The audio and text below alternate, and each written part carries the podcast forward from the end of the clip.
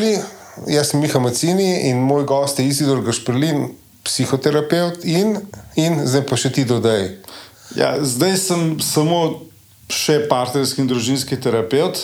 Uh, bil sem fotograf, bil sem, uh, kako naj rečem, poslovnež v prejšnjem življenju, zdaj že skoraj rečem toliko let nazaj, ampak zdaj sem končno v vseh zanimacijah, ki jih imam, uh, delujem res kot terapeut. Seveda, zraven napišem kakšno knjigo, pišem kakšne kolumne. Uh, imam predavanja po, po, po celi Sloveniji, da, ampak vse je nekako povezano zdaj s tem mojim kor biznisom, če rečem, to je s terapevtskim delom. Ja, škaj, meni je zanimivo, eh, čisto na. Eh, jaz sem v bistvu najprej sem opazil tvoje kolumne. To je res, za res pa je zanimivo, veš v tej reviji Bukla, ki so nove knjige. Ne, in sem pa videl to, kratek opis tvoje knjige in me je zanimalo. In sem, pazi zdaj, ne, sodobni časi, sem najprej pogooglil in pa sem gotovo, da ima v bistvu so razmerno, ko ne rečem, nekako skupen ta background v zadju. Obidva so začela z računalniki, a ne v principu. Ne. Ja, in to, to praktično z dvoletno, enoletno raz, razmikom. Čakaj, samo to, kaj? Ja, ja, ti si. Ti si bil z kolegom, si bil en, začel eno leto ali pa leto pa pol pred, pred mano. Se pravi, jaz sem štartil ta biznis 88, ti pa. A že se ne spomnim, ampak takrat enkrat. Ja, ja, ja. ja, ja, ja sta bila že na trgu, ko smo mi uleteli. Ja. Ok, anyway, ampak jaz, eh, kaj pa jaz vem, jaz sem se dejansko, sem, uh, mislim, ne, da je to nek biznis, bolj sem programiral, mislim, seveda smo živeli od tega, ampak s programiranjem in tega dejansko po nekaj letih jaz nisem mogel več upravljati. No. Sej, to je no, dosti normalno, ne moš, ker to je tak bom rekel, tako ozek del, ne, ki se na določeni točki enostavno se sam še recikliraš, samo še ponavljaš. Ne, in če imaš to širino, ki jo ti definitivno imaš, ti moš iti naprej. In tudi, je, tudi jaz sem na določeni točki začutil, da je konc. Ampak jaz sem čist presekal, ne, postavil direktorca v podjetju, nisem mogel nehati, ker sem bil preveliko podjetje takrat. Presekal, postavil direktorca in učel z orata, in nisem gospodarstva pogledal nikoli več. Občudujem te za to. Tudi jaz sem ponosen na to, če ne, ne, sem odkrit. Ja. Sploh, ker veš, pa sem jaz eh, šel bolj v to antropologijo, se pravi, rečemo temu, v kulturo, v smislu um, hm, pravil, ki jih ima neka skupina ljudi. Ne. In jaz, vsaj v unih letih, takrat je bilo nekako zamenjati neko kariero, neko greh ne, v Sloveniji. Ne. ne vem, ko se ti tega spomniš. No. A veš, je bilo tako, oh, čakamo, kako. Veš, ko ljudje te popredalčkajo ne? in zdaj ne nadoma, vem, da je nekaj drugega. Sam pravi, pri meni je tako, jaz nikoli nisem bil črn človek, jaz se nikoli nisem prav zelo veliko oziral uh, na druge. Ne, ne da bi bilo vse en. Ampak jaz moram reči, da odkar vem zase, sem bil uh, samohodec, če tako rečem. Jaz, če sem nekaj začutil, in še, še preden sem bil terapeut, jaz zdaj, zdaj, zdaj se znam razložiti, da sem neverjetno dober sledil tem občutkom notranjim. Brez da bi pojmem, jaz sem bil, jaz sem bil totalno zgobljen v tem delu, ampak ko sem jaz nekaj začutil, da je konc in ko, me, ko je mene nekam ulekel, jaz sem tam, kjer je bilo konc, odšel in šel tja, ker me je ulekel. In, in ta moj notranji kompas me je očitno dobro pripeljal. Eh, in bom tako rekel, jaz se na to nisem vzel, je pa, je pa drug, druga stvar. Tako odločitev izvesti, ah, to je pa drama. To ni bilo, jaz, eh, jaz ta moja odločitev, da to zamenjam, je bila posledica tega, da sem bil takrat v hudi, hudi življenjski krizi. To sem jaz takrat bil na tem, da vse zavozam, a veš, ki rečejo, narti ne da sreče. Mislim, to je tako. Eh, dejansko ti poslovno uspeh ne more več sreče. No. To je res. Mislim, zdaj tako, uh, bolje trpeti bogat, kot je reven. ja, ja, ja, ja, ampak ja, do določene, mislim, se veš, maslova piramida in se veš, neke osnovne pogoje moraš imeti zadostene, pa pa res dejansko, ne, rabiš druge stvari. Ne. To je res. In z tega vidika, recimo, jaz ne zastopam teh ljudi, ki delajo v gospodarstvu, pa ki se vidi, da tistega, ki delajo, ne delajo subenega užitka več, narejamajo dovolj in ustrajajo tam. Ne. To je pa, to je pa tako, kot se mi zdi, da bi se v en slep rokav zapeljal in tam, tam uh, močvaril. Uh, ja, uh, kar me je spomnilo na, na odnose, ne se veš, se dosti ljudi tudi ustraja v mrtvih odnosih. Ne? Veš, ja. ne? Ampak bo mi da do tega prišla, ker v principu uh, zdaj tako ne. Uh, Mene, te tvoje knjige so mi res fajn, pa jih tudi priporočam poslušalcem, ker dejansko se, se ukvarjajo z odnosi. Uh, se pravi, nekaj, tledi moram nekaj povedati, ne vem, če si opazil, ampak najbolj prodajana knjiga v Sloveniji v zadnjih 30 letih in je vsak let je na lestvici, je, so te afirmacije od Louise Hay. Ne, ja, veš. in, ampak zdaj spet to je antropološka. Ne. Kaj je tukaj zanimivo? ne? Veš, Ta, ta stvar je zelo individualistično ameriška. Ti si za vse sam odgovoren in kriv in vse bo sam zrihtal. In po Luizi Hej, če si ti v slabem odnosu, recimo sla- groznega šefa v službi ali pa slabega partnerja, mislim, ne, ti greš pred ogledal in govoriš. Moj mož je čudovit, moj šo, eh, šef je čudovit. Ne. In pazi, meni je to fascinantno, da je to nekaj, kar je tipičen odnos in ga ne razrešuješ na edini način, kot ga lahko s pogovorom. Ne, ti si sam, si za vse. Lej, zdaj, jaz, Luizo, hej, uh, jaz sem jo ravno, da vse se stvari povezujejo. Ravno v, v sredi te največje krize mi je prijateljica dala Luizo, hej. No. Jaz sem pa šel točno do tega dela te knjige Življenje tvoje, ja, kaj že. Ko moš stopiti pred ogledalom, to govorim, mislim, da sem jaz to knjigo odložil, se neko tole, pa ni knjiga za me. No, in zdaj je zanimivo, da jaz pol naprej nisem več bral, manj, da se je tudi Luiza, hej, potem malo razvila in da te zadnje knjige, knjige niso več tako. New Age psycho shit, jaz temu rečem, uh, da so boljše, ampak jaz žal ni- nisem dal druge priložnosti. Jaz njo prav na predavanjih uporabljam kot primer ne, in jaz znam zdaj tudi, odkar sem terapeut, ne, takrat nisem bil še. Uh, znam strokovno razložiti, zakaj to ne deluje. Ne? Uh, dvomim, da je zdaj to tema najnega razgovora, ampak torej, to definitivno se da razložiti, da ta stvar ne funkcionira. Uh, uh, zdaj, drugo, kar je pa še več šmoren, to pa tudi zdaj jaz v, v zadnjih kolumnah uh, kar mal napadam. Uh, prva je bila pa Renata Selicel, ki je to zelo dobro napisala. To je zapravo ta New Age ne, pristop, ne, skupaj s to mentaliteto potrošništva, ne, skupaj povzroča, ne vas da bi rešval, povzroča temeljne drame, stiske sodobnega posameznika. Ravno zato, ker ga odgovornost je fajn zadeva, sam ljudje iz odgovornosti zelo hitro pridejo do krivde. To se pravi, sporočujo samo eden. Ne? Če zdaj Luizo Hej povežem s tem poenostavljenim pojmovanjem uh, uh, New Age. Ne? Vesolje je kle zato, da ti da vse, kar si ti želiš, ti moraš zdaj samo na ta pravi način se tega lotiti in tako naprej. Če ti ni reatal, tvoj problem, ti si zamočil. Ne? Ne?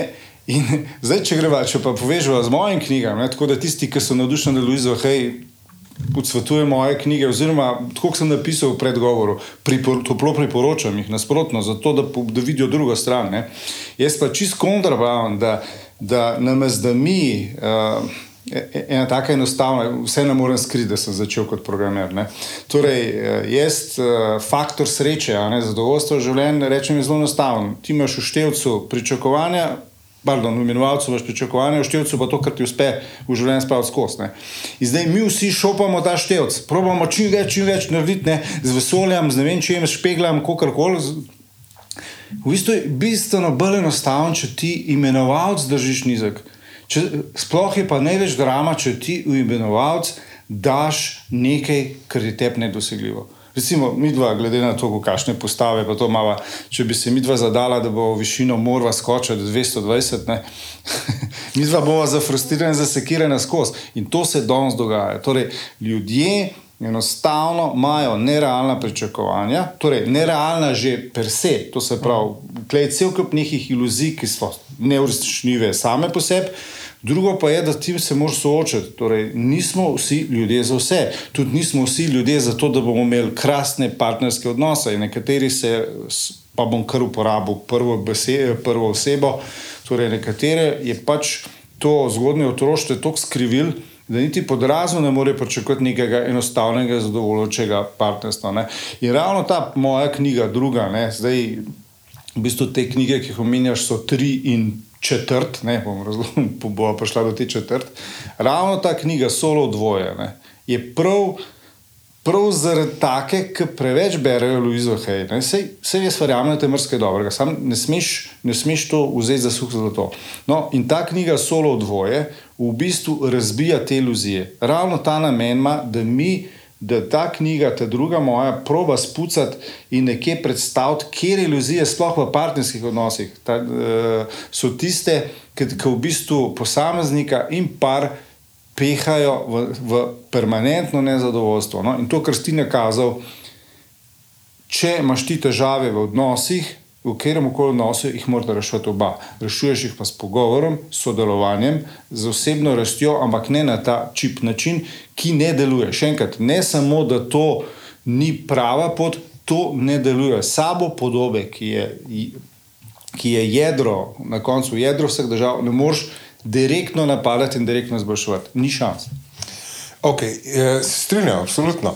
Ampak začnimo recimo, točno s, tem, eh, s to idealizacijo. Začnimo, recimo, jaz sem se nekako to tako zamislil, da gremo mi do kaos skozi nek tle odnos. Ne? In zdaj se dva se zaluptale. In zdaj, eh, zdaj je to neka idealizacija na začetku, ne? absolutno. Ne? Uh, zdaj imamo neko vprašanje. Če si ti star, recimo 20 ali kaj takega, a se lahko zaljubiš brez idealizacij? Ne, zdaj, zdaj si tako rekel, a si lahko plavaš, ne da smo kar. No, tako je. Ja. Ja, ja. Ne gre, ne gre, to se pravi.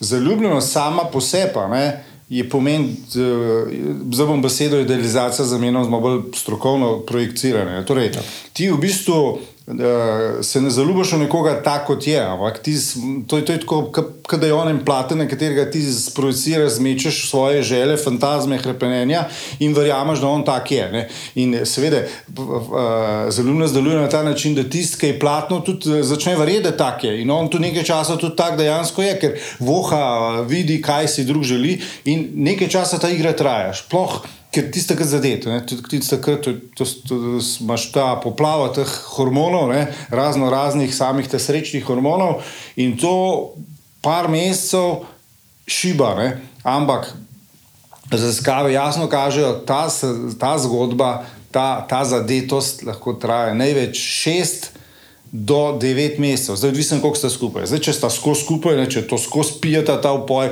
pa se to po 6 mesecih skur. Ne. In takrat je zadeva pa drugo smer. Ne. Zdaj pa na ta izplaten, če smo prej projicirali same srčke, pa lepe stvari, zdaj začnemo projicirati slabe. To znači, kar naenkrat je ta isti princ, bel, princ na belem konju. Ne, rata kon, ne? to se pravi, od njega ostane sam kon. Rečemo. Prav to v bistvu se ga degradira, ker naenkrat vse stvari vidimo bistveno slabše. To je tak dosti pričakovan potek enega odnosa v mladih letih. Ne? Ker zdaj pa tisto, kar smo rekli, a, a se lahko plavaš, ne, da se zmočeš. Ne? Zaljubljenost ni nekaj nujnega. Ne? Torej, nekje, če se recimo, ko se srečata dva, ne vem, to je zdaj nič redkega, pri 60, 65 tukaj ni zaljubljenost, eh, nek nujen pojav, niti ni nujna za zadovoljujoč eh, partnerski odnos. No, in to je ena od uh, mitov, da se v bistvu ta moja knjiga Solo dvoje. Uh, cel kup takih mitov uh, razbija. Ne? Knjiga je razbijanje mitov o ljubezni, o partnerskih odnosih, o spolnosti in tako naprej. No, in to, da je zaljubljenost, sploh močna zaljubljenost, pogoj za dober partnerski odnos, to je mit. To to ne drži. Uh, ja, ampak, uh, ok. No, to, mi, to sem ti tudi hotel vprašati. Meni se zdi nekako tako, da z leti, ne bolj si starejši, v bistvu bi lahko manj idealizirati, ne, ko vstopiš v neko vezo, pa bolj, bi imeti bolj stik z realnostjo. Ja, sam lihkler, je ta beseda idealizacija, ne, ni čista prava, ne, ker, ker uh, zaljubljenost ni stvar odločitve. Ne. Torej, zaljubljenost je, oziroma privlačnost, ne, ki jo napaja. In to sta spet dve različne zadeve. Spet, ljudje imajo v odnosih cel kup težav, tudi zaradi tega, ker ne, zaljubljenost, privlačnost, ljubezen, odnos, to je kar eno to isto. Ne, ne, to so zelo različne stvari. In še, če se vse poklopi, pa je fajn, ampak če se pa sam pa ene zaštrike, pa je problem. Ne. Tako da tukaj ne gre za to, tukaj gre za, za en evolucijski sistem da, uh, da vedno prideta skupaj dva, ki, imata, ki prihajata iz podobnega uh, primarnega okolja, torej iz podobnih družin, uh, s podobnim vzdušjem, s podobnim delovanjem. Ker oni dva prvič lahko potem poustvarjata podobno okolje, kar ima varno, poleg tega pa preigravate nerazrešene drame, travme, težave, zgodbe iz zgodnega otroštva, kar je pa, kakorkoli obračamo, ne, mogoče ni tako zelo romantično, kot je v kakšnih eh, filmih, ne, eh, psi, eh, psiholoških filmih, ampak to je pač ena nujno, nujno zelo osebne rasti. Če, če ti lahko stojiš sto let pred ogledalom in si govoriš, kako se je višek stvarstva, in tako naprej, žal to tako nagre, kot si jim povedal. Ampak, uh, ja, uh, otroštvo, absolutno. Ne. Ampak zdaj, jaz ne vem, koliko se tebi zdi pomembno to, da človek uh, živi najprej sam, pa ugotovi, da je sposoben sam živeti, prej vstopi v, nek, v, v neko zvezo. Ker veš, veš, imaš v ne primere iz vrca ste skupaj ali pa od srednje šole ste skupaj. Ja, zdaj tako. Uh, To je približno spet tako. A bi bilo najbolj se naučiti biti starš, pa pa imeti otroke. Ne, ja. ne gre, ne? Ti, to gre eno z drugim. Zato, vse za to začnemo. Pa začnemo že, zdaj začnejo že na koncu, sem let, ki so že resne zveze. Pa so, pa, eh, mislim, resne, zdaj je spet resno. Ne? Vadimo, ne? ena drugmo vadimo. Ne? Ti se ne moreš odnosov naučiti izven odnosov. Ne? In še nekaj, eh, ena stvar je spet ena iluzija, ne? pa smo spet pa iluziji, hej, ne moreš ti težav, ki so nastale z odnosi, iz primarnih odnosov, rešuje drugače kot z odnosi. Ti v svoji eh, sobici, ob svečkah in meditativni muski in z meditacijo in tako naprej, ti lahko mrske narediš. Ampak ne moreš s tem rešiti težav v odnosih, ki so nastale v odnosih. Torej, se razumemo, in klej, klej, nimaš kaj. Torej, uh, jaz bi tako rekel, avtomatsko vstopamo v odnose, to se pravi, osemletka, srednja šola in naprej, potem ta leta. Eh, tukaj je treba čim več vaditi, čim več trenirati. Pomemben je trenutek, ko se ti pa z nekom čutiš, da si dovolj sposoben, da se zavežeš za resno zvezo. Ne?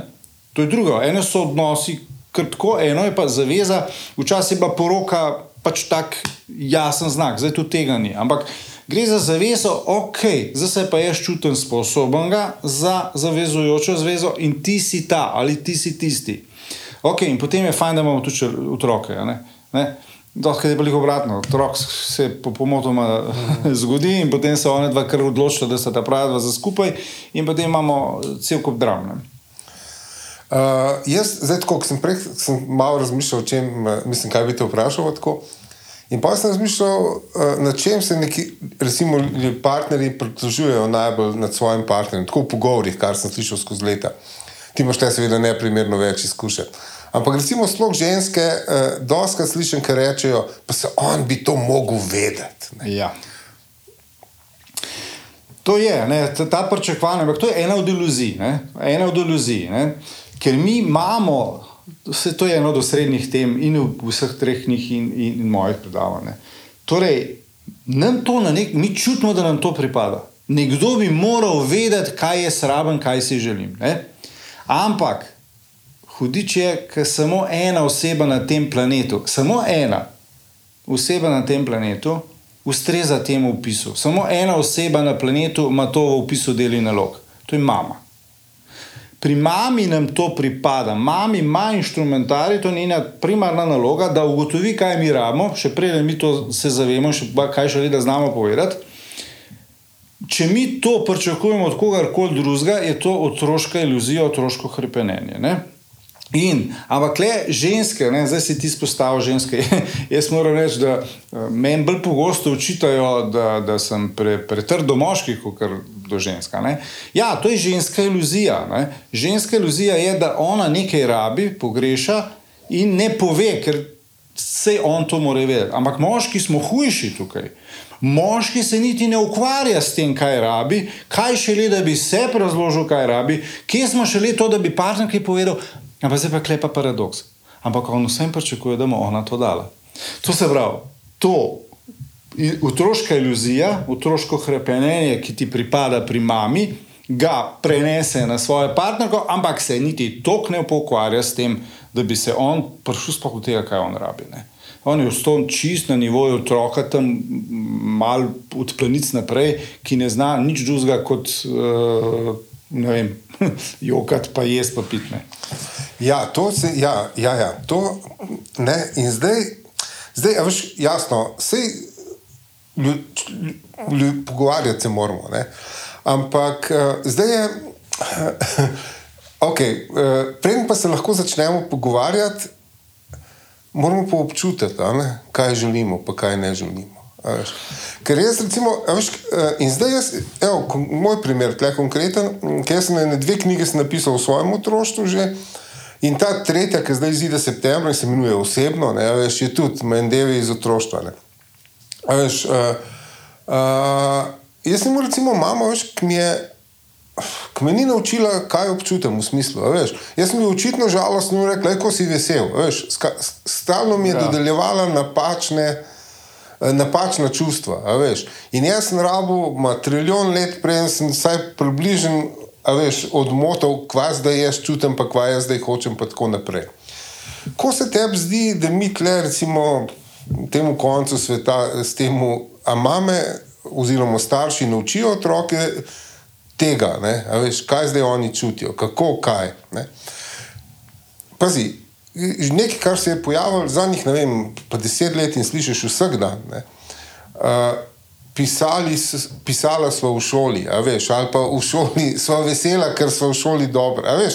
Ne nadoma, ne več. Kdo zdaj to čuti? Sva vesela, ker so v šoli petko dobla. Ja, ja, ja. Kdo zdaj to čuti? Ja, ja. Eh, starši so začeli, se mi zdi, kras čustva, veš, tudi otrokom. Ni več tega Okay, zdaj sem mogoče jaz malo zapletel. Ne, ne, sam, sam iščem nitko, ne, da, da nadaljujem to, kar začel. Lej, mi dva zdaj ful umenjamo mamo, ne, zdaj ja. moramo tudi še dati očeta zraven. Ja. Eh, ko gre za čustovanje, seveda ima mama vedno primarno vlogo, ker ona je tista, ki je v prvih letih odločilnega pomena in za nas so prva leta odločilnega pomena. Ne. Ena žalostna ali pa dobra novica je ta, ker mi smo tam nekje okrog 6-7 leta tam imamo mi vse temeljne usmeritve za dokončanje življenja narejene. Tega ne moreš spremeniti, možganov ne moreš na novo prepisati. Ne. Možgani so se razvili nekje po širini in globini v prvih šestih letih, recimo, leto gor dol, in to je to. Zdaj, čustovanje, ne, to, je, to je recimo ena stvar, uh, zato sem jaz prvo knjigo čutil in torej sem šel napisati, ker meni je ravno to. Uh, jaz sem bil tipičen predstavnik moškega zahodnega sveta, ne vse se s čustvi nisem ukvarjal, če se vse že vse jezivo, vse tako naprej. Ampak da bi se poukvarjal s tem, kaj to je, tudi mene mama ni več naučila, tako kot tebe, ne nas je cel kup, ne, nasploh, nasploh se ta polje čustev podcenjuje. Ampak ko, ko sem jaz skozi študij, ne, skozi osebno izkušnjo, trening za terapeuta, se zavedal, da so čustva temelj vsega. Ne? Hkrati pa v šolah, ne, ne v osnovnih, ne v srednjih, ne na faksih, meni noben nič usposabljal kot tega, tu staršine, tu je ta neumnost človeštva. Jaz nekako ne rečem, da to je pomembna stvar, kot je upravljanje s čustvi. Ne? Uh, je prepuščeno nekemu spontanemu, sprotnemu učenju, malo tukaj, malo tam, ne? malo z holivudskih filmov, malo z teh knjig, malo z unih tretjih, malo Luize, hej, malo uh, Freuda, malo Gunga, malo tretjega, se ni čudno, da smo zblojeni. Ne? Ampak to gre za tako zapleteno zadevo, ki se jo učimo od samega rojstva in odločilno vpliva na vse odnose, vključno z odnosom do sebe, ki je temeljen. Ja, in to tle se začne in tle konča. In sploh moškim, ne, eh, jaz, jaz jih imam vedno več. Eh, mi smo imeli včasih na skupinah težavo dobiti moške, zdaj imamo moških prijavcev preveč, kot da moški se prebujamo, ne, se prebujajo. Ne. Jaz to vidim, sploh tudi kot starši probajo. Ne. Eh, ne bom rekel, da je tega še dosta, ampak trend je v redu. In jaz jim vedno od začetka, jih tako na pol hecu, prosim, za kakšen dan, dva potrpljenja, okrog čustve, da če se jim zdi brez veze to, kar govorim, da so čisto v redu. Ker tudi meni se je na začetku. Ampak naj mi zaupajo, da je ključ v čustvih. In to, kar si ti rekel, ja, starši do, eh, starši ne samo, da ne skrbijo na ta pravi način za otroke, ne, zdaj na nek način se preveč utikajo, preveč skrbijo in nimajo teh razmejitev. Ne. In to, kar si ti rekel, ne, kdo je zdaj kle čuti. Ne. Izraz, tudi strokovni izraz tukaj je razmejitev. Ravno to, da mi znamo ločiti, kaj je moje, kaj je tvoje. Zakaj je to pomembno? Ker zato, ker je moje sem jaz stoprocentno odgovoren. In če sem jaz jezen, prizadet, žalosten, razočaran, besen, ne, je to stoprocentno moja odgovornost. ti, ne moja partnerka, ne moj otrok, meni nobenega čustva ne more dati. Zato ni čisto odgovoren. Posebej je to pomembno, ko pridemo do nasilja. Ne? Ker nasilnež bo vedno najdel nek razlog, izgovor, kaj je nekdo njemu naredil, v bistvu ga je nekdo drug naredil nasilnega. Ne. Torej, za vsako čustvo velja tudi za nasilje, tudi za nasilna dejanja, velja, da je 100% odgovoren tisti, ki čuti ali nekaj počne. Mi smo tudi odgovorni za vsako svojo misel, Tako, če, če poenostavim. Uh, s tem, da pa, pa ta patriarhalni zahodni svet v bistvu ima neke predpisane čustva. Ne? Recimo, če je fantek tam neki. Blazno jezen je to, okay, ker je fanta. Ne? Punca ja. naj bi bila pa bolj žalostna, ne, da tako rečemo. Tako, ja. In zdaj, kako, veš, kako zdaj, veš, pa, pa ljudje smatrajo, da je to normalno. Ne, da, veš, on je normalno, da je ne, tam besni nekaj, ona pa pač skozi žalostna. Ne. In pa se ujamete v ta krok, oni povzročajo žalost, ona njemu jezo. In kaj zdaj, kako je zdaj iz tega? No, to, ti si zdaj navedel dva tipična zapleta, ki jih jaz vedno na predavanjih. Jaz, jaz sem včeraj, recimo, predavanje za, za direktorje eh, poslovnih kolektivov in sem jaz to isto temo dal. Ravno zato, da razumemo, kako pride do zapletov v odnosih, ravno na področju čustva. Ne? In tudi jaz, karkoli eh, za podjetja, zdaj še predavam ali pa mandelavance, moja srednja tema so vedno čustva. In jaz tudi vedno rečem vsakemu podjetniku, direktorju, ga vliče, da če, če, če te vi samo na povrhu z raznimi team buildingi nekaj praskali, to bo en teden, 14 dni, en mesec bo mogoče kaj boljš, pa, pa ne, mi, mi, treba je malo globi. Seveda, problem je pa, da v, v, v poslovnih kolektivih pa prav globoko, pa spet ne smešno, smešno tudi intimo. Ne? Ampak jaz, ker sem, imam poslovno kariero za sabo in imam terapevtsko, nekje se mi zdi, da, da, da, da, da znam najti ta, ta prav ta pravi nivo. Ampak zdaj, ta tipičen zaplet, nekaj še hujše. Ne? Ženska, ki si od majhnega govoril, da ne sme biti jezna, ne? tipično je, eh, če, če si ti, če je bila ta črka, recimo, jezna na mamo. Ne? In mama običajno reče: Poslušaj, jaz vse sem naredila, razdala sem se za te, kako moš biti jezna nami, ti si nehvaližna. Ne? In to butaš na krivdo. In zdaj je taka punčka, ki bo kasneje dekalca, punca, bo seveda to jezo se naučila, ne da bi vedela, se je naučila skrivati, zatirati, ker je nekaj nedovoljenega, nekaj neprimernega. Ja, in bo, ne da bi vedela. Jo bo zamenjala za žalost. Torej, in kar naenkrat bo ona svojo jezo se naučila izražati skozi navidezno žalost. Ne? In zavedaj, Kaj jaz predavam, kot pišem, tipičen zaplet, ki je tako pogost, da to ne moš verjeti. To je, to, je, to je že kar pravilo. Ne? In zdaj ta ženska, ki je v resnici jezna, v bistvu toči, bom rekel, krokodile soze, ne? neka navidezna žalost je, ki ni, ker to je naučena žalost, ki prikriva jezo. In zdaj moški, ne da bi vedel, kaj se dogaja, v bistvu preko projekcije, ne? faše od nje to zatajeno jezo. In se zdaj na žensko, ki je navidezno žalostna in ona verjame, da je žalostna, ker je v tolikih letih že sebe prepričala, ker je to strah svoje jeze. Ja, on zdaj seveda to sprojecirano jezo zmanifestira.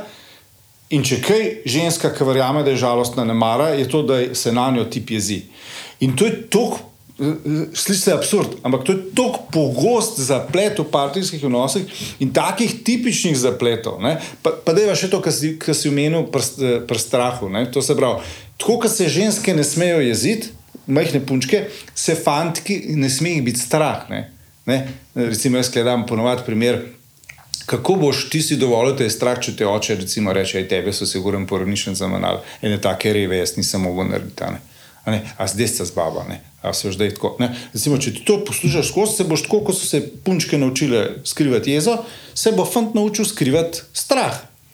No, in zdaj pa bova še en, še, še, še en mit razbila. Uh, Ljudje doživljajo, kot da je nasilje pretirana oblika jeze. Ne, ni. Jeza in nasilje nista par.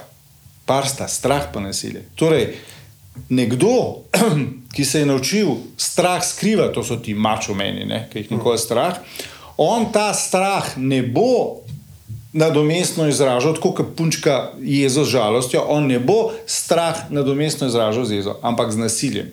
Nasilje in strah sta par.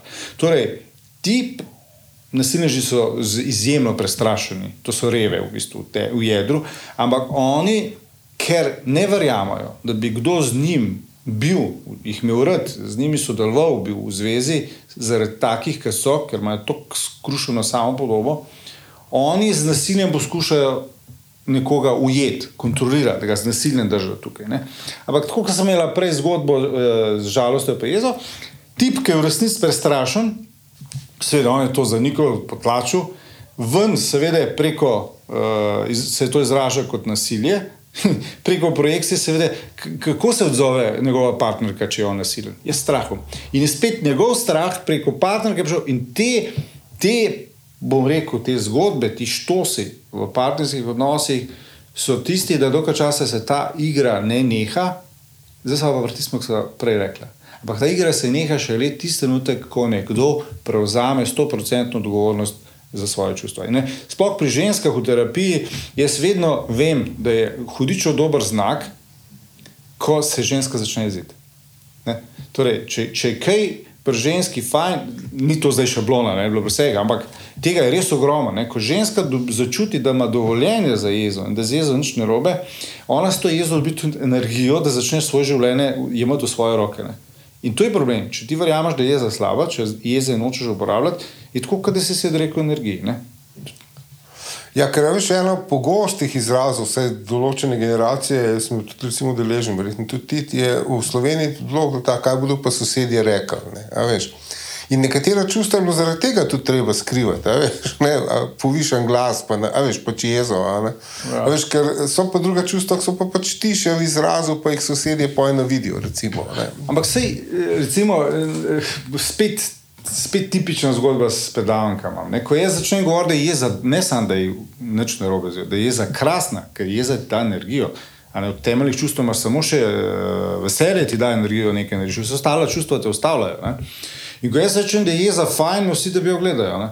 In po jaz pa na to vzamem eno tako bolj nežno dušico tam, eno žensko, lahko mi zgleda najbolj, da ne upiše kaj, jezenega moškega, kaj počne. In se začne luputa zorati, upije, kriči, meče stvari v tla, grozeče gleda.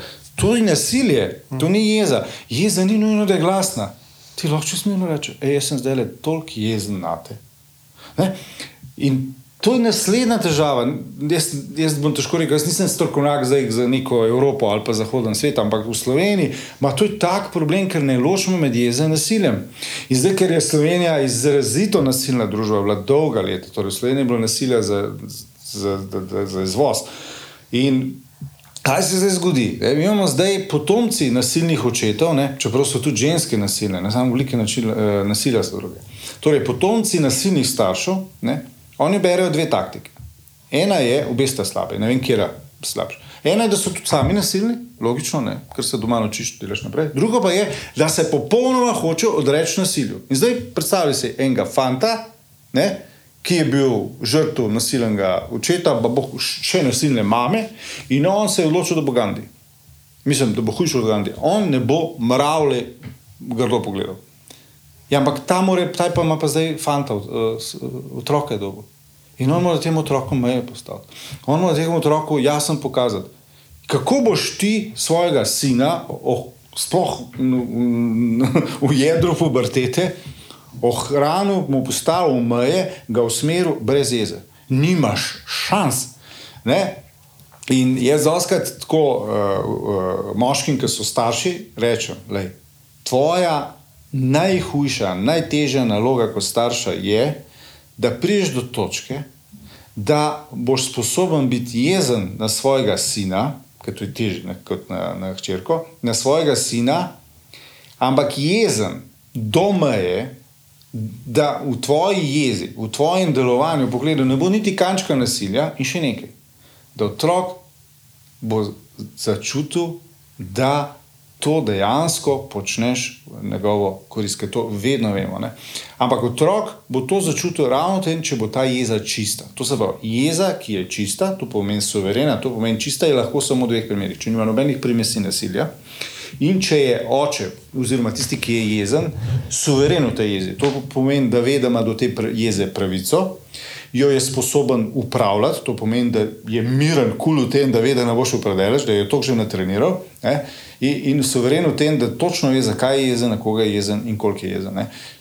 In taka jeza, ampak zdaj sem jaz kar nekaj pogojev postavil. Taka jeza je čista jeza, eni rečejo, sveta jeza, ta nima kančka slabe primisli. Sam pa imamo problem, da je pa zdaj cel kup ljudi, vključno sosedov, ki si jih omenil, ki bojo tudi tako čisto sveto jeznega človeka obravnavali kot neprimernega. In tle pa jaz rečem, tle nima problem tiske jezen. Tle imamo pa problem, da jeze nismo sposobni sprejemati. Ne? In če zdaj še ena stvar, zadnjič sem na enem predavanju slišal, tako fajn je bilo povzeto. Ne?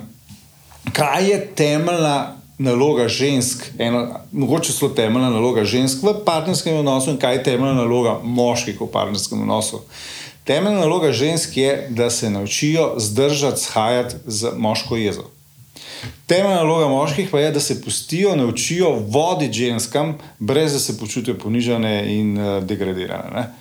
Ne vedno, ne, ampak včasih ima tudi ženska prav, ne, ne tako malo, kot bi mi verjeli. In da če ti narediš tako, kot ženska predlaga, da jo poslušaš in slediš, in da to ni ponižanje. Da, Madonca, vse ženske imajo tudi prav. Ne. In, in zdaj se zasmejijo, ko dam primer, začutiš, to, to sta res dve temeljne ja, naloge.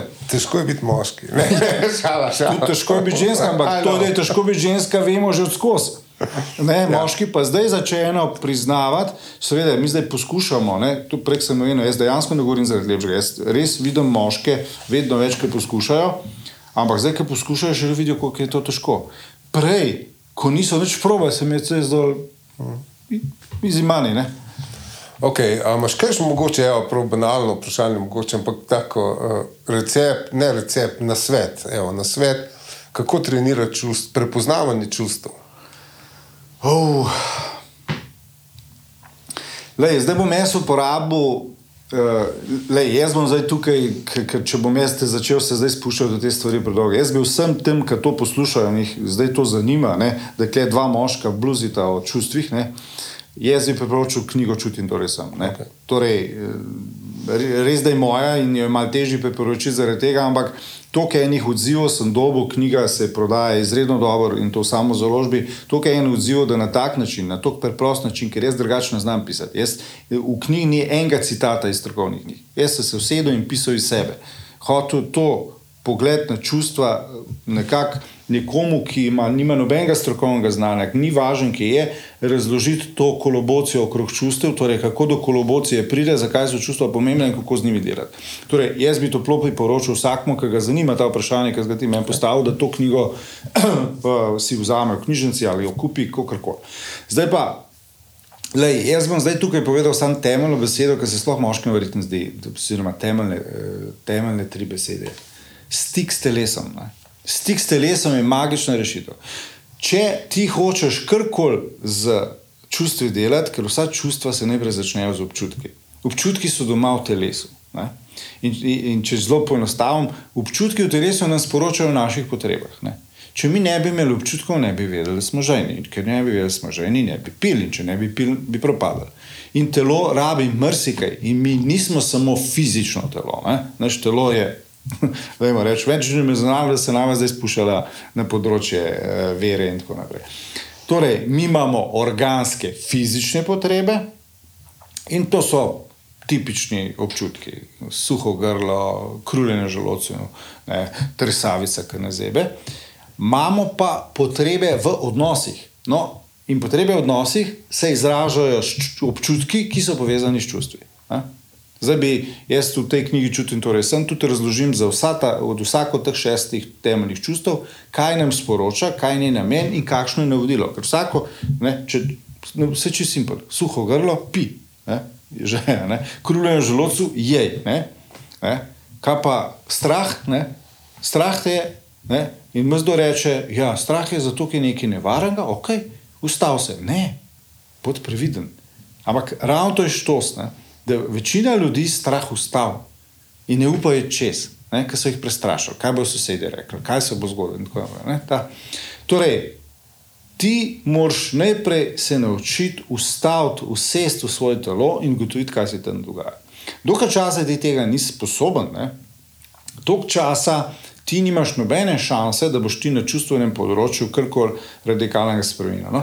In mi zdaj živimo v enem svetu, ker se zamotimo z vsem živim, samo zato, da se ne bi ukvarjali s sabo. In prej, ko smo bili pri moških, da moški se niti ne zavedajo tega lastnih potreb, ravno to rešujejo na ta način, da se zamotijo z vsem živim. Ja, mest tam je spomnil enkrat pred leti, mislim, sem, sem šel na nek pregled EKG srca, ne sem kardiolog.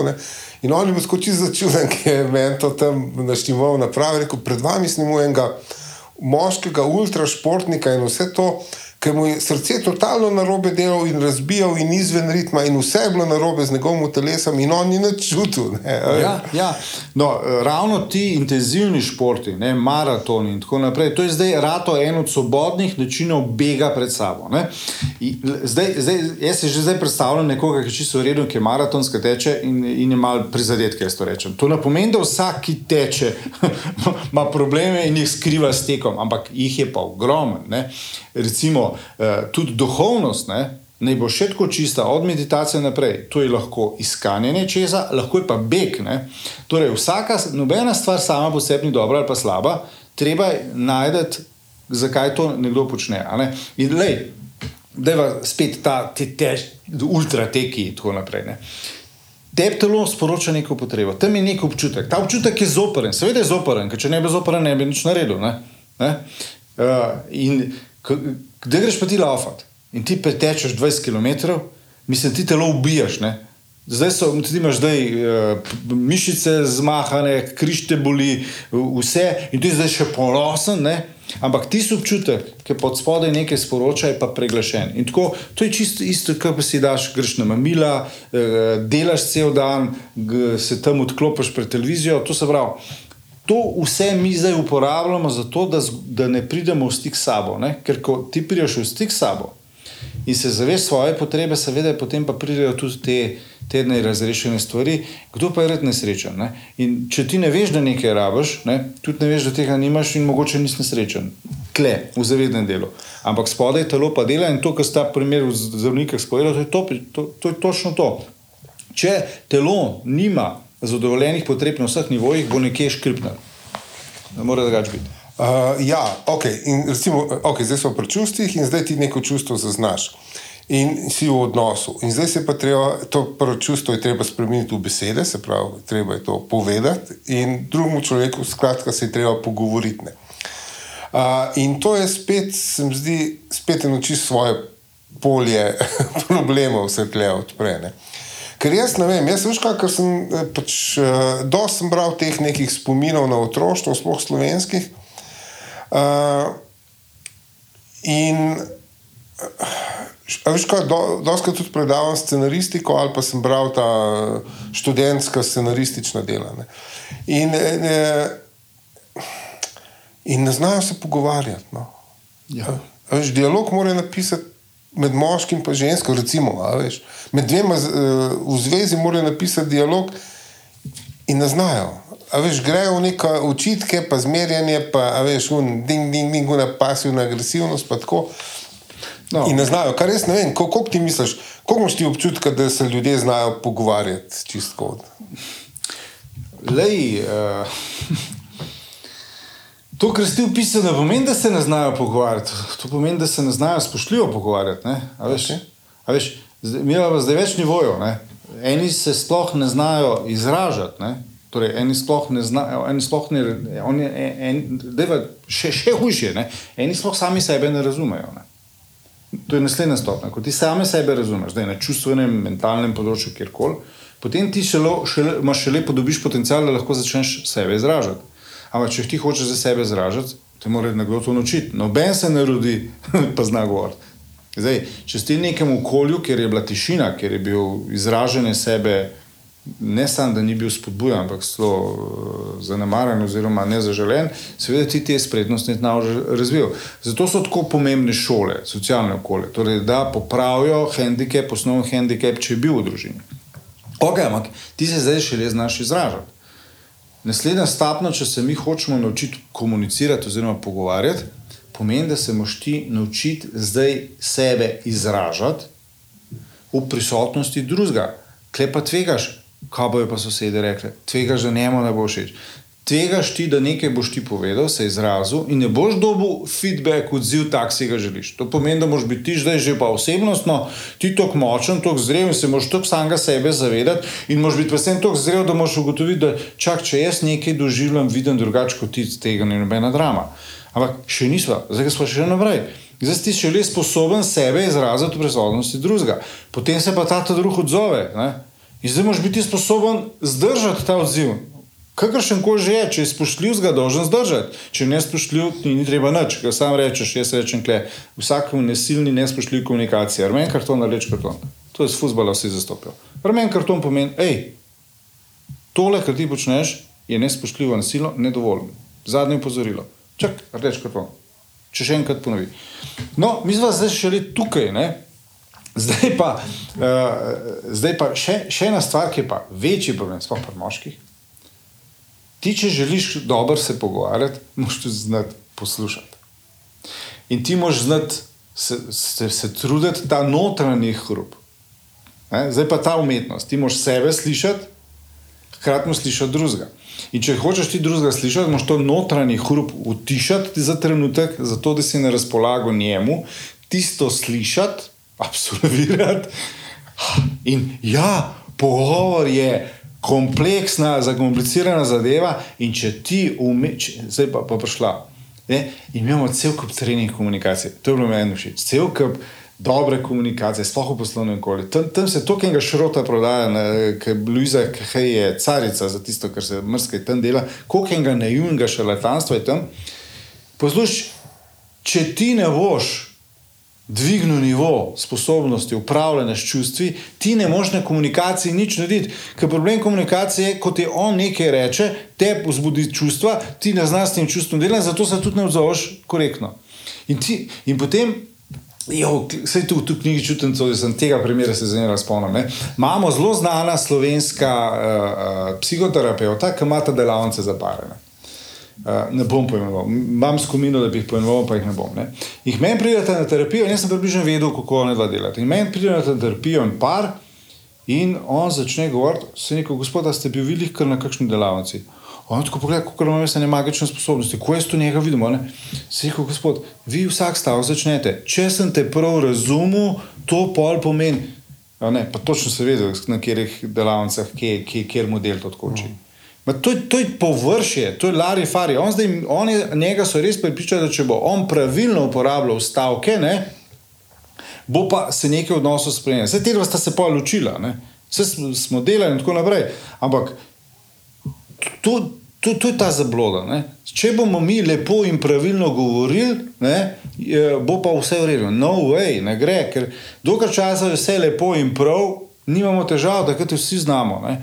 Problem je, da se zakomplicira, zakomplicira se pa, ko se začnejo neki čustveni vihari, ko pridemo v neke konfliktne situacije, ko se mi dva ne razumeva o neki pomembni stvari. Mi dva se recimo ne razumeva o vzgoju otrok hudiča, klele ni, kle se moramo mi zmeniti, ne moramo mi ostati vsak na svojem bregu. Ne? Mi se moramo kle zmeniti in enotno delovati, ker ga že delava škodo otrokom. Uh, ja, mislim, ja.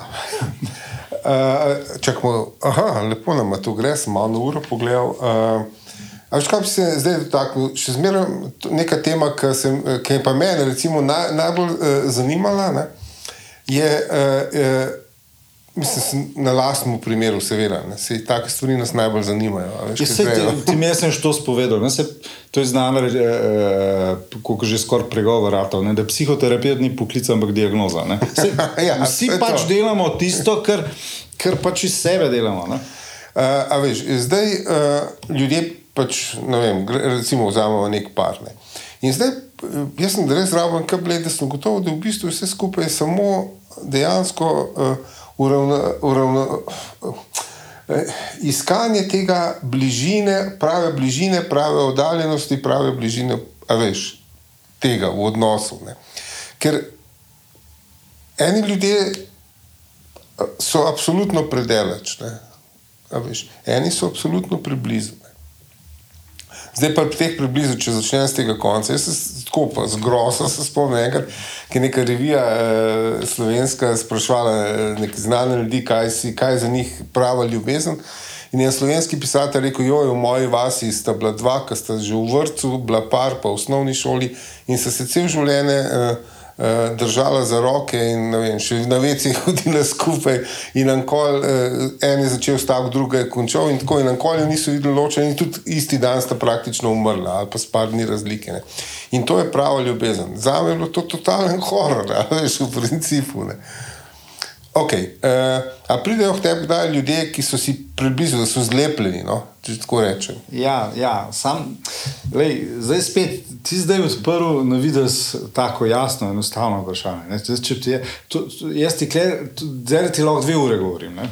Ne. To se pravi, klej, klej spet toliko enih stvari, ki si jih ti pa, pa, pa stvari dosti dobro poznaš, ker si kar zlepo v eno okay. zadevo. Tako da, pridem jaz zdaj začel komplicirati, bom proval čim manj.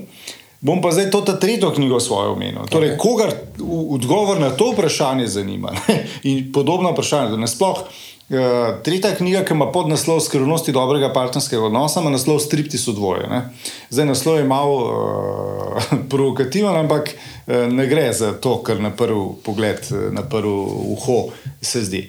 Zdaj, preden ti jaz lahko odgovorim, moramo mi dva en temelj postaviti. Nismo vsi narejeni za enako bližino. Ne obstaja nek enoten meter, koliko bližine je pa v redu. Ne? To se pravi, mi nismo narejeni čistko, mi nismo genetsko uh, narejeni enako, ni nas prva leta, nas niso oblikovali enako. To se pravi, mi nimamo enakih potreb po bližini, zdaj pa še bolj pomembno. Mi nimamo enakih sposobnosti za bližino. Torej, vsi pa imamo željo po bližini. To je pa, ker človek je socialna žival in klej imamo kaj, mi imamo željo po bližini. Zdaj, ne pa vsi enaki. In to je nevarnost šablon modelov, holivudskih filmov in romanov, in tako naprej, ker ponujajo neke vzorce, podobe, kaj naj bi bližina. Zdaj pa spet ljubezen, bližina, zelo, to so pojmi, ki jih spet kar mečemo skupaj. Ne? E, dva sta si lahko zelo blizu, pa nista, mislim, je to ljubezen ali ni, pustimo zdaj, ostanemo pri bližini. Torej, prvo, kar je, ni neke enotne mere, ni enotnih potreb in ni enotnih sposobnosti. Uh, tako kot je želja po bližini, je v vsakem človeku tudi strah pred bližino. Ker tisti, ki ga spustiš blizu, zato je tebi to horor, ne? ker imaš slabe izkušnje in slabe izkušnje imaš iz primarnega odnosa z mamo, glede na to, da si to v knjigi napisal meni. Ja, ja, ja, mi ja, lahko povem. Ja, ja. Torej, ne izdajam nekih hudih skrivnosti. Ne? In to pomeni, da ko, bolj ko, ko je bila ta tvoja bližina zlorabljena ne? in pri tebi je že oblajst, moram lepše besede uporabiti, glede na to, kar si povedal in napisal, toliko težje se bojiš spet zaupati, ker bližina gre spet zaupanje. Ne? To pomeni, mi imamo željo po bližini, hkrati imamo pa tudi strah pred bližino. Ne? In zdaj je pomembno, da sta dva najdeta. Sweet point, mislim, da ustaja zraz. Torej, da najdete pravi balans med tem, kar si želita in med tem, kar sta ti trenutek sposobna, in da se vede, uh, ustrajno razvijata. Ne? Če imata to željo po bližini, pa ni uresničena, torej da ustrajno rasteta in razvijata kapaciteto, sposobnost, veščine za to, da to bližino si podarita in jo uživata. Ne? Ok, zdaj pa, dva, ki sta zlepljena, nista blizu. Torej, to sem ti mogel povedati, zato da sem lahko spet en tvoj mit eh, rasul. Torej, če sta dva zlepljena, sta samo na videzno blizu. Ker če ti biš, želiš biti zdravo, resnično blizu, moraš biti najprej samostojen. Če ti nisi sposoben biti samostojen, če ti nimaš tega občutka, da si ti lahko obstojiš kot samostojno biti in si sposoben zase poskrbeti, nikogar v resnici ne boš eh, spustil blizu, ker ti bo to prenavarno. Ti dva sta zlepljena, igrata bližino. To je pa nekaj drugega kot bližina. Kaj bi jaz nekaj podaril, kar sem na koncu, na koncu povedal, pa po mojem, treba poudariti za poslušalce. To se da natrenirati, da tako rečem. Z vajo si lahko upamo priti eh, vedno bližje. Ja, sem Da tam. ni a veš, deterministično, ker si rekel geni, pa otroštvo in zdaj čau. Ne, to se da natrenirati. Ja, ampak ne. Torej, ne vsakmo do iste stopnje. Pa To pa- spet to se strinjam, ja, ja. skoku z višino. To se strinjam, ja. nekdo, nekdo bo skočil v višino, pa če eni skačejo, ne vem koliko je zdaj, 2,45, eni skačejo 1,70 m. Okej. Pomembno je to, da če ti rečeš, jaz bi si, pa, pomembno je, da si iskren. Če ti se rečeš, da je kar to primerjavo uporabljati, ne? da si iskren. Ej, meni bi bilo čez glavo, da skačem 1,80 m. Super, ok. Ampak to pomeni, da ko ti ti skočil in skakal 1,80 m, boš zadovoljen. Če ni zadovoljen, si lažeš. V resnici bi res skakal 2 metra, ampak si lažeš, da je 1,80 m, zato da ti treba to trenirati. Pomembno je to, ne? to se pravi, da ti tudi sebe spremeš. Rečeš, ok, jaz sem to kranen, jaz sem klele, pač mogoče so malo invalid in meni neka taka bližina, ne, ki bi si jo želel, zelo verjetno ni, ni dana. Tudi če mi je, mi v tem trenutku ni dana. In začneš uživati v tisti bližini, ki ti je ta trenutek dana in si jo sposoben. To ti bo dajal pogum za to, da boš potem pa treniral in ustrajal in jo bo dob- dobival skozi več. Ne? Ja, ampak zdaj pa še nekaj. Ne? To, vse tiste, ki tole poslušajo, kot ste rekel, ne? jaz opozarjam, to je izredno multidisciplinaren in zelo, kompleksen trening. Man, to je cel življenjski trening, jaz mislim. No, pustimo, a veš. jaz nisem na čas, jaz sem hotel Ja, povedati, da ja. ti ne moreš. To je tako, kot rekel, zdaj bom pa jaz, no, pa zdaj, sk- jaz bom pa zdaj skočil 2,40 m in jaz bom zdaj samo kvistov. Ne?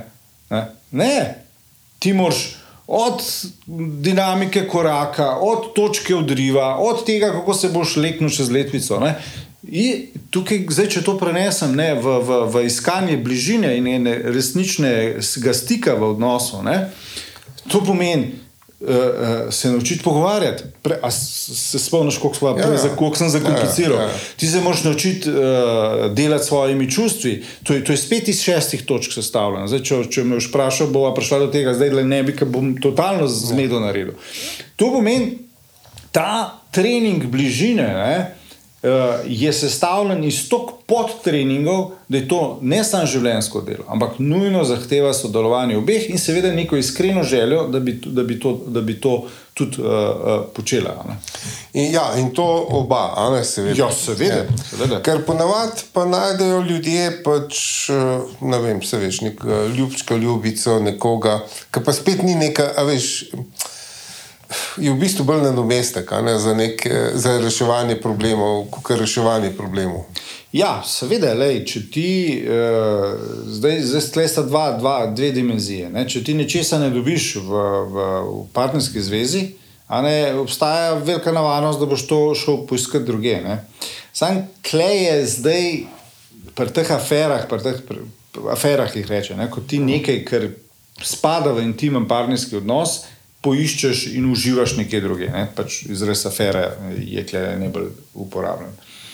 Nevarnost te afere je dvojna. Ne? Prvo je to, da tisti, ki je v aferi, se ne zaveda, da tam cela afera temelji na neki iluziji. Ne? Torej, tam ni, to ni real life. Ne? Tam je pobeg iz resničnega življenja. Torej, ti greš iz nekega partnerskega odnosa, ki ti da neko trdnost, neko varnost, nek, ne? ampak le real life, ne? kle, kle, kle skupna služba, kle za otroke skrbiva, kle morajo rešiti vsakodnevne probleme, ne? kle se si resnično bližino ustvarjala. Ne? V aferi ni resnične bližine, tam ni ničesar resnično. Tam je greš- Hollywood, Hollywood je to. Ja, lahko, tam je vedno znova neka projekcija, ampak ker ti v aferi skozi ne moreš biti, ti greš nazaj. No, jaz doskrat rečem, zašto ste prej sem rekel, da raziskave kažejo, da zaljubljen lahko traja 6 do 9 mesecev. Ne. Če imaš pa ti pilota, ne, pa lahko tudi malo dalj časa, ker ti ga vidiš, pa ga spet ni. Ali pa da, zdaj so ti vojaki, ki so na teh mirovnih misijah. ne. Taka zaljubljenost se lahko leče tudi deset let, a ne? ampak če jo ti konzumiraš. In pri aferah imaš točno ta efekt. Ti greš tja, tam si daš duška, trene, po, poližeš samo smetano, ne?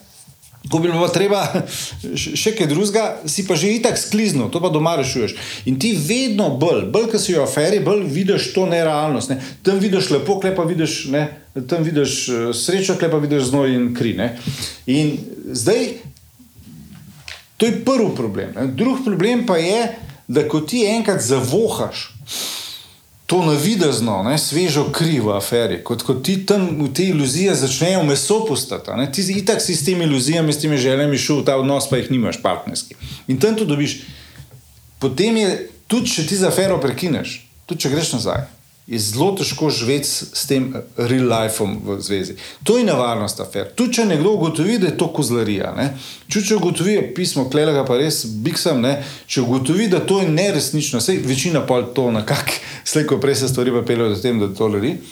Ko priješ nazaj, so te fantazme, te iluzije, ki so bile uresničene, ti v bistvu se To je res umetnost. Ne? Vprašanje je, koliko ljudi potem to zmore, ker so imeli afero in so šli nazaj v odnos uh, in so ga tudi bili partnerji pripravljeni na afero odpustiti. Koliko zmore ne? to diskrepanco med nečem, kar je dejansko doživelo, tudi če je bilo na iluziji. Ne? Oni dejansko doživljajo te trenutke v skiču in tam je dobil nekaj, kar v tem nosu ni, kako s tem živeti. Ne? Tako da te afere so hudičev, nevarna nevaren način dopolnjevanja, izpopolnjevanja, uh, krpanja luke na partnerskem odnosu. Zato jih vsi terapeuti, mislim, vsak, ima malo zdrave pameti, pač uh, odsvetuje. Uh, Bistveno boljši je pač v odnosu, ki si id do, do, do roba, narediti vse, kar je, in se boš ločiti. Ne, to je čist, čist legitimna, bom rekel, čisto prav odločitev lahko. Ne. Uh, so zdaj prišli, so kaj tasga pozivali. Unca omenila, da je en od pobegov, kot sem prej omenil, da pa starši se pa nalepijo na otroke, in je partner poj izvisijo v zadju nekje, veš, tam plava nekje. Ne. Aha, to, ne. Zdaj, zdaj, zdaj si odprl drugo temo, ki je pa spet ena od ključnih za, za zadovoljstvo v partnerskem odnosu. Uh, če, če hoče partnerski odnos in kasneje nova družina, ne, Eh, zadovoljiv funkcionirati, je treba jasne meje postaviti primarnim družinam. Uh, tukaj, tukaj sploh ni dileme. Mislim, tukaj sem jaz zelo, zelo ortodoksen. So, ne, ortodoksen, jaz sem rigorozen. Ne. To se pravi, če ti ne postaviš jasne meje svojim starim, uh, če se ti upletajo v svoj partnerski odnos, ti si na poti v propad. To se pravi, to je treba postaviti. Dokler časa ti nisi postavil jasne meje, nisi odrasel. Ja, ampak vse veš, ne, ta slovenska, v glavnem, če res velja ta formula, da veš, v eh, pritličju starši v prvem štuku. Lej, sej, jaz sem imel klen na TEDxu predavanje, listo, ni važno, kje sta. Lahko sta, ti si lahko v Avstraliji, pa si še čist zlepljen, povezan s starši, lahko pa živiš v, v podstrešju in si čisto samostojen. Torej, fizična razdalja ni tako pomembna, seveda je kar pametno, eh, da, da, da si fizično tako stran, da mami glih ne more, kot rečejo, pride tudi v copatih, ne? da se mu malo potruditi. Ampak uh, pomembna je ta čustvena diferencijacija, ne? ta čustvena razmejitev. To znači, da ti pogoj za čustvene razmejitve je pa čist preprost test jaz bom živel svoje življenje, tako kot jaz mislim, tako kot jaz hočem, in jaz se bom odločil po svoje. Ne? Starše, ok, njihove nasvete, komentarje in tako naprej bom mogoče poslušal, ali pa tudi ne, ampak odločil se bom sam in vi se mi v to ne boste vtikali. Torej, dokaj časa ti preseb tega ne zboš narediti. Zdaj, na tako trdnost, kot sem jaz povedal, to časa še nisi čisto odrasel. Ampak sej, noben ni nikoli čisto odrasel. No? Uh, še, ok, se počasi zaključuje. Me zanima, kaj, uh, kaj je najpogostejši razlog, da ljudje pridejo na terapijo? Zdaj govorijo o partnerskih. Ja. ja. Ok, da partner, da pridejo. Ja, ja. Se, se le tudi tako je. Ne? Jaz moram reči, da sem skozi specializiran za partnerske in družinske terapije. Uh mhm. -huh. Zdaj, na, na mestu individualnih sem jaz kar upustil, tega, ker imam terapevtsko skupino in lahko hkrati delam z osmimi, uh -huh. in tudi vidim, da so rezultati v tej skupini za posameznike, ki imamo neprimerno hitrejši, kot pa v individualni terapiji. Ne. Zdaj, zdaj, kaj je najpogostejši razlog? Ne? Zdaj, navidezni razlogi so afere, ne, tega je veliko, uh, prepiri, to se pravi, prepiri in potujenost.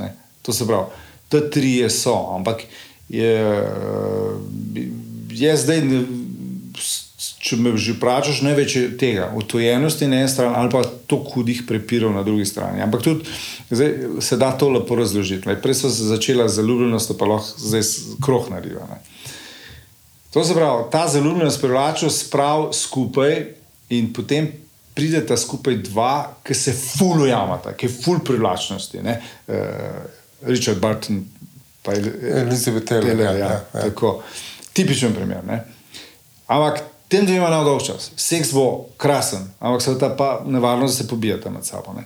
Po drugi strani se pa dobita dva, ki, ki, ki se ne, ne pokrijeta tako zelo, ne. ni tega ognja, ni tako močne privlačnosti. Ne. Ti dva bosta imela zelo tako civilizirano, lepo, krasno, krasno uh, pa, ampak njuna past nevarnost je potojenost. In to so tisti, ki rečejo. Ali ti dva sta se ločila? To sta iz tistega, ki ste rekli, sta se dva skozi roke držali in tako naprej. Mm. Taki so meni, ja. mi, mi smrdijo potem. Ne? To je zelo redki, ne? so taki, ne? jaz nisem med njimi, pa ti očitno tudi ne. Ki, ki, ki fašajo to uh, sredino, da je glih prav enega in drugega. Večina par je obsojena na to, da rešuje eno od dveh problemov. To so pa te dva, ki sta utojena, kako napolniti njuno življenje z neko vsebino. Tiste dva, ta privlačna, se morate pa naučiti te razlike, ne? na kak način upravljati, način, da, da, da, da to ne ogroža njihove zveze. Ne? Okay, uh, mislim, da smo, ali še kaj za dodati, mogoče. Jaz, jaz mislim, da smo ključno stvari odprli. Še enkrat bi pa pač tiste, ki jih je tole zdražil ne, in jih zanima. Pač jaz sem jih zato, ker nikoli ne moremo vsega povedati. Napisal tri knjige, torej čutim, torej sem gre v bistvu o odnosu do samega sebe, kje se zaplete, kako se zaplete in kako rešiti. Potem sta pa dve knjige iz partnerskih odnosov, solo dvoje, najprej pravi teren, da razbije, resuje mite o ljubezni, partnerskih odnosih, spolnostih, ločitvah in tako naprej. Stripti so dvoje, pa potem na tej zrahljani, pripravljeni zemlji pokaže ključne elemente, veščine, ki jih moramo imeti. Eh, za dober partnerski odnos, kako jih razvijati in kako tak dober partnerski odnos ustvarjati, brez Hollywooda, brez Louise Hay, brez kakšne skol, ampak z resnim, trdnim, ni nujno, ne vem kako napornim, mora biti pa ustrajnim delom. Okay, najlepša hvala, dragi poslušalke, poslušalci. To je bil podcast osebno. Jaz sem Miha Macini, moj gost je bil Izidor Gašpelin. Še enkrat najlepša hvala, adijo.